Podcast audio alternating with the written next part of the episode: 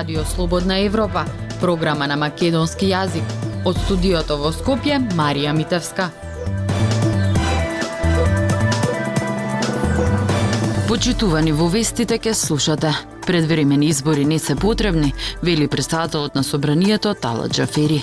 Бројот на позитивни случаи на COVID-19 расте, со денови се чека за тестови на државно, а најави за нови мерки нема. Воздухот во Битола, колатерална штета на високата цена за струја. Останете со нас. Независни вести и анализи за иднината на Македонија на Радио Слободна Европа и слободнаевропа.мк. Председателот на собранието Тала Джафири вели дека предвремени избори не се потребни и прерано е да ги коментира најавите за уставни измени за референдум. Тој уште еднаш ги повика пратениците да се однесуваат одговорно кон својата работа и кон граѓаните. Прилог на Марија Тумановска. Како пратеник може да поднесам иницијатива за распуштање на собранието, но предвремени избори не се потребни, категоричен е председателот на законодавниот дом Талат Джафери. Коментирајќи неговата неодамнешна изјава дека ќе го распушти собранието ако нема кворум за одржување на седниците, тој повтори дека не гледа потреба од одржување на истите, подсетувајќи ја притоа опозицијата дека за тоа се потребни предходни подготовки, имајќи предвид дека стодена пред вакви избори е потребно формирање техничка влада. Нема потреба за предвремени предвремени избори. Еве опозицијата бара предвремени. Нека поднесат предлог за распуштање на собранието. Ако имаат 61 глас, ќе одиме на предвремени избори. Тоа не зависи од мене.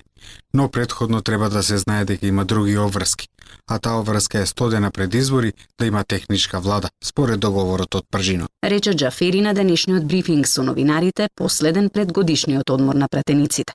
Првиот човек на собранието не одговори конкретно на прашањето дали има проблеми во владината коалиција ако се земе предвид фактот што во последно време е проблем да се собере парламентарното мнозинство. Да подсетиме дека поради немање услови за работа, изминатиот петок не се изгласа дневниот ред, поради што Джаферија прекина 79-тата седница, пошто на разговор беа повикани председатели на политички партии.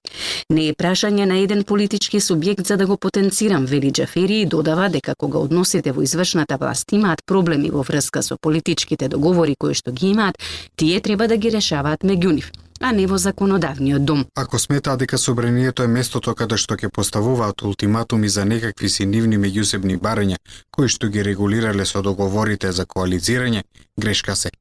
Мене политички договори не ме интересираат, Овде сме дојдени за гласање на закони. Тој уште еднаш ги повика пратениците да се однесуваат одговорно кон својата работа и кон граѓаните, истакнувајќи дека нивно право и обврска е да бидат присутни на седниците. Честите отсутства на лидерите на ДУИ и ДПА, Али Ахмети и Миндух Тачи за него не се спорни, бидејќи како што рече, поради партиски обврски, тие не морале да присуствуваат на седниците, но дека секогаш кога било потребно да гласаат, доаѓале најредовно во собрание. Джафери не сакаше да коментира ништо и околу законските процедури за уставните измени и референдум во врска со европскиот предлог кој го бара опозицијската ВМРО да ДПМНЕ, велејќи дека е прерано за конкретни одговори поврзани со овие теми. Джафери на средбата со новинарите информираше дека од почетокот на неговиот мандат од 4 август 2020 одржани се 83 седници со 973 точки на дневен ред. Завршени се 54, додека незавршени 29 седници. Собранието официјално оди на одмор по Илинде на првите активности се очекуваат од 29 август. Првата редовна седница ќе биде закажена на 13 септември. Слободна Европа. Следете на на Facebook, Twitter и YouTube.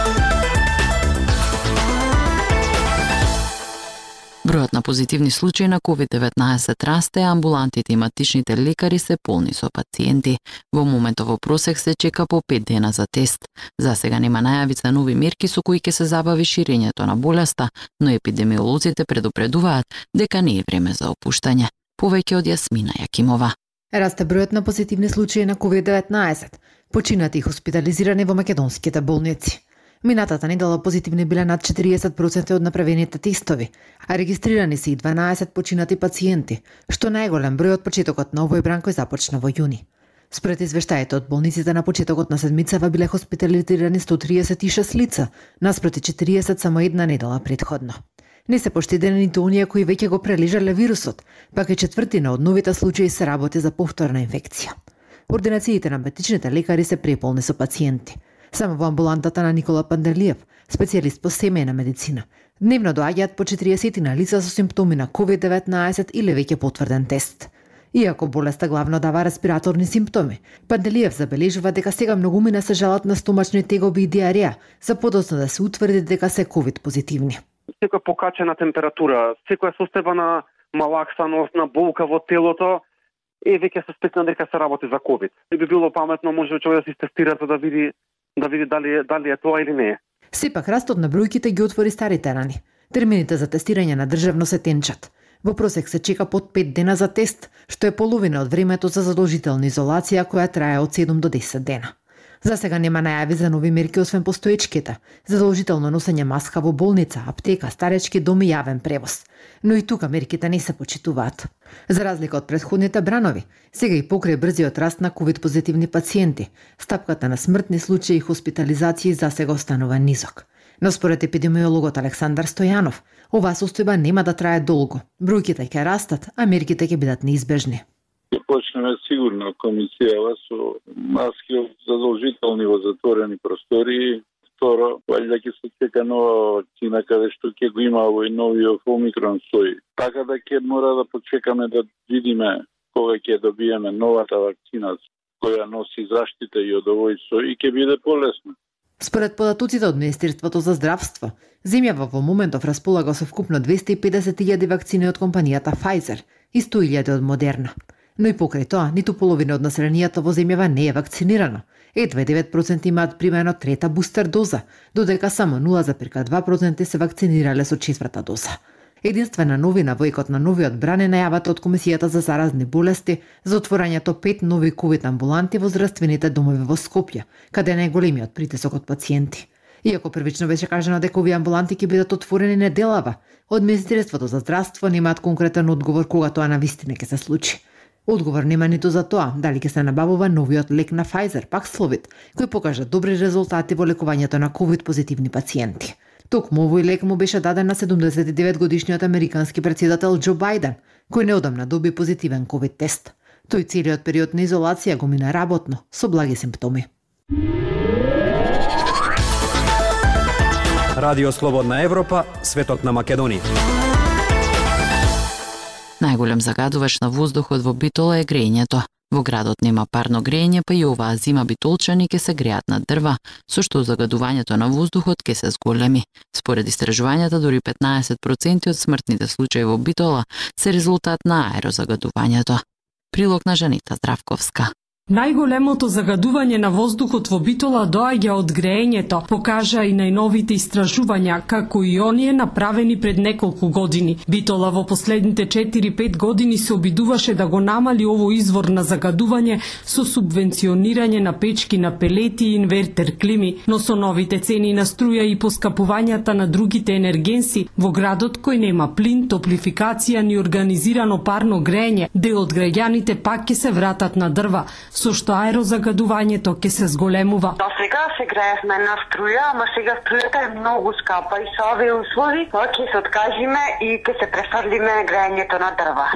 Распоредот на куќата е со, со соби, со голем јода и не можеме со една клима. Не е возможно и пак со дрва сега ќе одиме, тоа е тоа. Велат битолчани, топлификација на битола со топлинска енергија од рек како еколошко решение се најавува веќе 20 години, а во декември минатата година ЕСМ соопшти дека започне изградбата на топловодната мрежа, меѓутоа ќе треба уште време за да стигне до градот. Професорот Дејан Мираковски од Универзитетот Гоце Делчев во Штип вели дека проектите за еколошки извори на затоплување мора да се забрзаат доколку сакаме да имаме почи чист воздух. Енергетската политика мора да се базира или да води сметка за за животната средина и одредени проекти веројатно ќе мора многу да ги забрзаме ако сакаме да ги замениме штетните извори на затоплување и на домакинствата и на производство на енергија и на и во индустријата замена на штетните горива. И тоа мора да се прави многу интензивно. Посебно у овој период што доаѓа пред нас бидејќи гледате цените на енергијата ќе растат, енерген тенденциите од старо време изгледа повторно и се враќаат барем привремено и ќе мора многу внимание да се посвети на тој проблем. Рече Мираковски. Според истражувањето во проектот Развивање и имплементација на здравствен индекс за загадување на воздухот во прекуграничниот регион, финансиран од ИПА фондовите, дури 15% од смртните случаи во Битола се резултат на аерозагадувањето, а најголем загадувач се токму огништата. Согорувањето на биомаса и нафтата и мазутот заедно збирно доваѓаат во текот на зимските месеци до 70% од вкупниот товар, па и 80% во јануари 2021.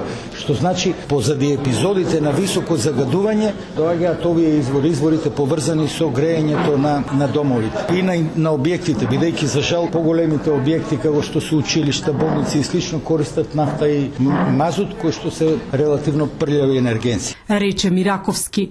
Во Битола околу 19.000 домакинства се греат на дрва во услови кога кубик достигна цена од 3.900 денари, а цената на струјата поскапе во просек од 7,4%. За Радио Слободна Европа од Битола, Жанета Здравковска. Актуелности свет на Радио Слободна Европа.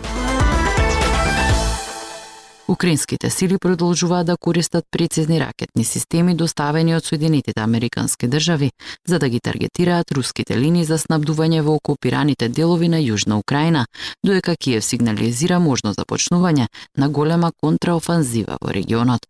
Повеќе од Гоце Танасов. Украинските сили продолжуваат да користат прецизни ракетни системи доставени од Соединетите држави за да ги таргетираат руските линии за снабдување во окупираните делови на Јужна Украина а Киев почна да сигнализира можно започнување на голема контраофанзива во регионот. Сепак, според Крис Догерти, поранешен функционер за одбрана на Соединетите држави, тоа не би била голема операција туку во некои делови како Керсон и околината. Но како вклучите Крим и остатокот од Јужна Украина, тоа веројатно не е остварливо со оглед на опремата и резервите на материјал што ги имаат украинците во моментов. Проблемот со подготовката за напад, и мислам дека ова ги загрижува НАТО и американските планери, е тоа што тие не се сигурни дека украинците имаат доволно луѓе, материјал и муниција за да го извршат нападот што може да ги пробие руските линии ќе има борби со големи загуби, додека ќе се напредува за можеби километар или два. Догерти во интервјуто за Радио Слободна Европа вели дека руските сили не се на работ на колапс, или како што вели, ако се, тогаш веројатно се и украинците. За луѓето кои се љубители на боксот, сега сме во 12-тата или 13-тата рунда во борбата од 15 рунди. Сега и двете страни се збунети и секој се обидува да открие како да зададе последен удар за да ги промени фактите на теренот пред да започне зимата, вели Догерти, додавајќи дека една од причините за итноста на украинската страна е тоа што тие знаат дека стратешките пресметки се менуваат во корист на Русија, штом ќе започне студеното време и кога одредени испораки на газ ќе престанат да пристигнуваат во Европа. Заканата од исклучување на гасот за Европа во средината на зимата е веродостојна. Мислам дека украинците се крајно загрижени дека кохезијата на Западната алијанса која ја одржува нивната војска на површина, ќе се деградира со почетокот на студеното време и ќе ги натера европејците да се прашуваат зошто жртвуваат толку многу во името на Украина. Догерти вели дека ова е конфликт од огромни размери и дека ќе биде тешко за Киев да ги одржи сите фронтови на север, исток и југ, а во исто време да собере доволно луѓе за да започне офанзива. Има мислење во НАТО да се почека со контраофанзивата можеби до пролета 2023 година, кога Украина на вистина може да собере многу сила за да го направи тоа. Но проблемот е што тогаш времето ќе работи и за Русија, вели Догерти за Радио Слободна Европа. Тоа беше се во вистите на Радио Слободна Европа. Од студиото во Скопје со вас беа Марија Митевска и Дејан Балаловски. До слушање.